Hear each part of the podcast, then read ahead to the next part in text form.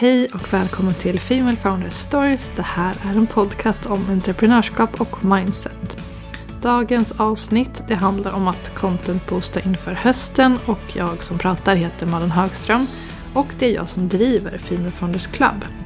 Och där så håller jag onlinekurser för dig som är entreprenör och också coachingprogram. Och de handlar om allting som rör att växa ditt bolag och dig som person. För jag tror att entreprenörskap det är en del av att skapa sig ett drömmigt liv och då måste det finnas en plats där man kan lära sig att kombinera planer för sin marknadsföring så att man når fler men kanske också hittas hundarutiner så att man slipper stressa omkring samtidigt som man gör just det här. Vad menar jag då med att content boosta?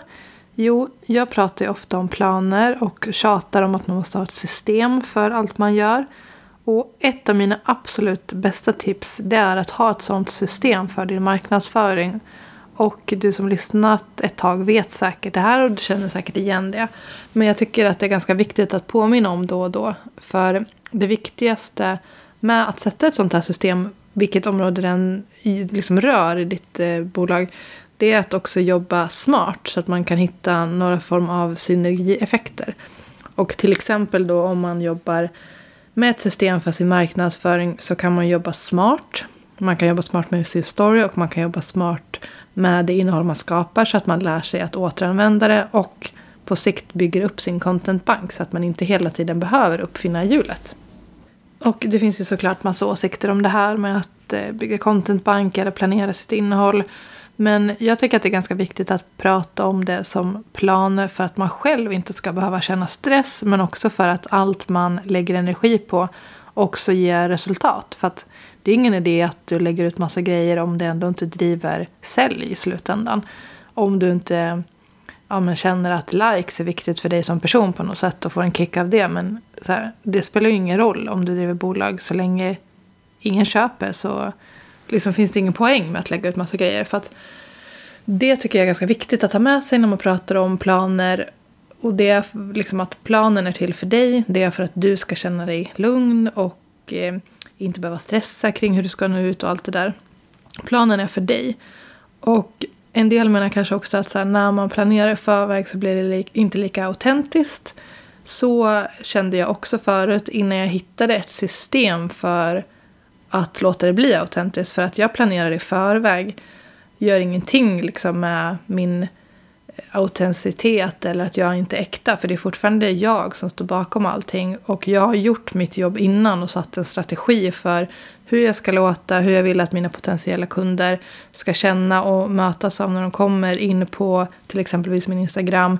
Jag har liksom satt alla de där grundpelarna i min kommunikationsstrategi egentligen. Så att det är fortfarande jag som pratar. Jag har gjort liksom det jobbet i förväg. Så att jag sen planerar redan nu vad jag ska lägga ut nästa vecka. Det kommer inte göra det mindre autentiskt. Snarare tvärtom.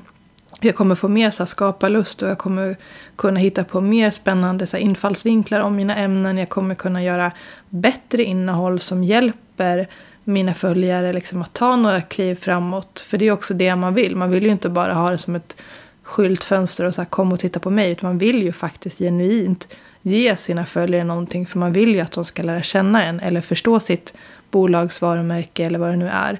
Så att de ska känna förtroende för en. Och det skapar man ju genom att faktiskt vara genuin. Och den här planen som jag liksom går efter gör det inte mindre genuint tycker det är ganska viktigt att ha med sig. Kanske inte funkar för alla, men jag tror att väldigt många skulle stressa ner lite mer om de visste vad de ska säga, när de ska säga det och vilket resultat det ger. Och bara för att man har en plan där i botten så hindrar ju inte det från att vara jättespontan under dagen ändå. Personligen så använder jag mer eh, stories som lite mer eh, spontana grejer där jag filmar av liksom, eller lägger upp vad jag gör just för stunden. Medan mitt flöde mer är kurerat innehåll för att där vill jag ge så ännu mer värdefullt innehåll som jag har kunnat klurat lite på. Så att det, texterna och, och bilderna också håller liksom hög kvalitet.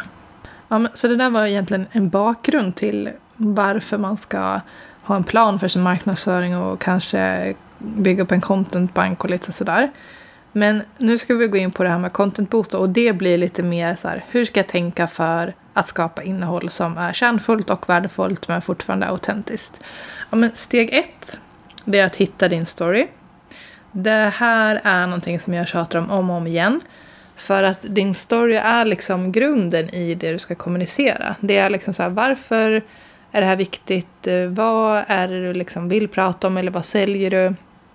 Vad är det för problem du löser? Hur löser du det? Vad är ditt bolags eller dina värderingar? Vad är det du står för? Vad vill du att din kund ska känna? Och så vidare. och så vidare. Det finns ju massa liksom ingredienser i det här med att sätta sin egen story. Och framförallt handlar det väl om att stolpa ner det för sig själv. Så att när du vet ja det här är min story. Då kan du liksom hämta inspiration från den när du sen ska skapa inlägg. Du behöver inte skriva storyn för dina kunders skull. De är liksom inte intresserade av det här. Utan det här är ett verktyg för dig för att du ska kunna titta på det här liksom dokumentet eller de här notesen och bara säga okej okay, men det här det är ju det jag står för. Det är det här jag vill prata om. Det här är jag. Eller ja, jag, jag pratar i jag-form men det kan vara liksom det här är mitt bolag.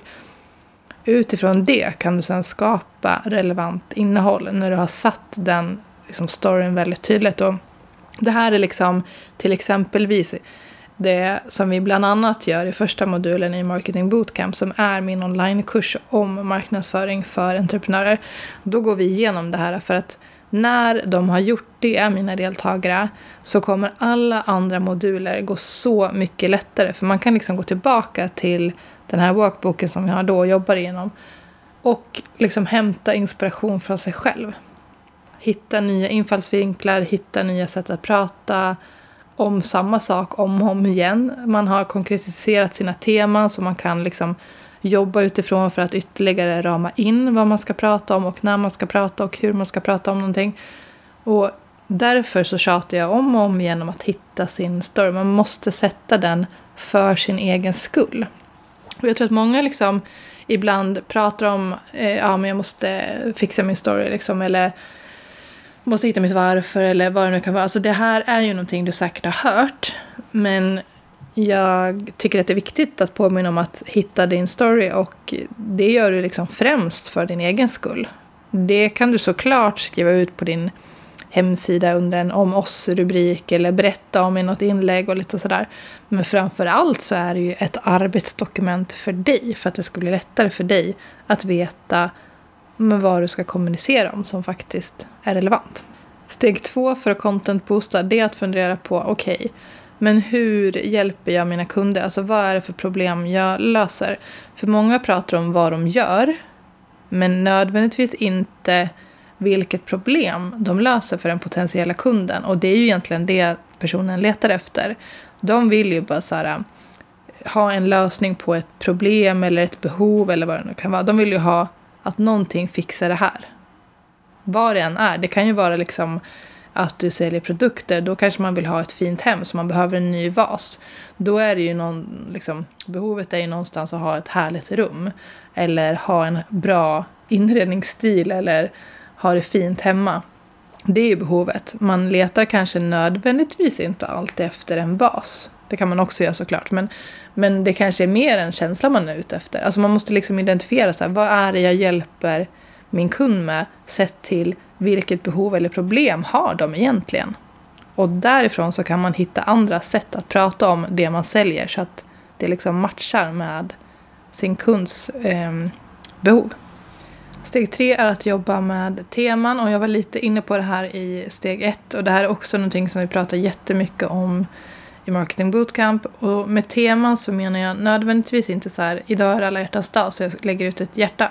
Utan jag menar teman som är identifierat utifrån din story så att du ramar in ytterligare vad för teman som rör ditt bolags varumärke. Alltså, vad är det för någonting, kanske fem, sex olika brukar vi snacka om i Marketing Bootcamp, som du kan prata om. Eh, och så liksom, det ger också dig mer ramar än bara din story. Alltså det ger dig verktyg att skapa utifrån. Det är som att du skriver en, ett uppdrag till dig själv. Så här, du ska prata om de här grejerna. Gör massa innehåll kring det här. Du ramar liksom in saker för att lättare kunna kommunicera och skapa massa bra innehåll. Steg fyra är att undersöka vad som är värdefullt för din potentiella målgrupp. Det är ju liksom väldigt mycket snack jämt om att skapa värdefullt innehåll. Men det förutsätter också att du tar in i beräkningen vad det är som är värdefullt just för din målgrupp. För ibland så blir det som att det går trender lite i vilket typ av innehåll man ska skapa. Och de ska man ju såklart så här, hålla koll på, testa på, man måste testa. Men man måste också utvärdera någonting när man testar. Och framför allt känna sin målgrupp så pass bra att man skapar innehåll som är relevant för dem.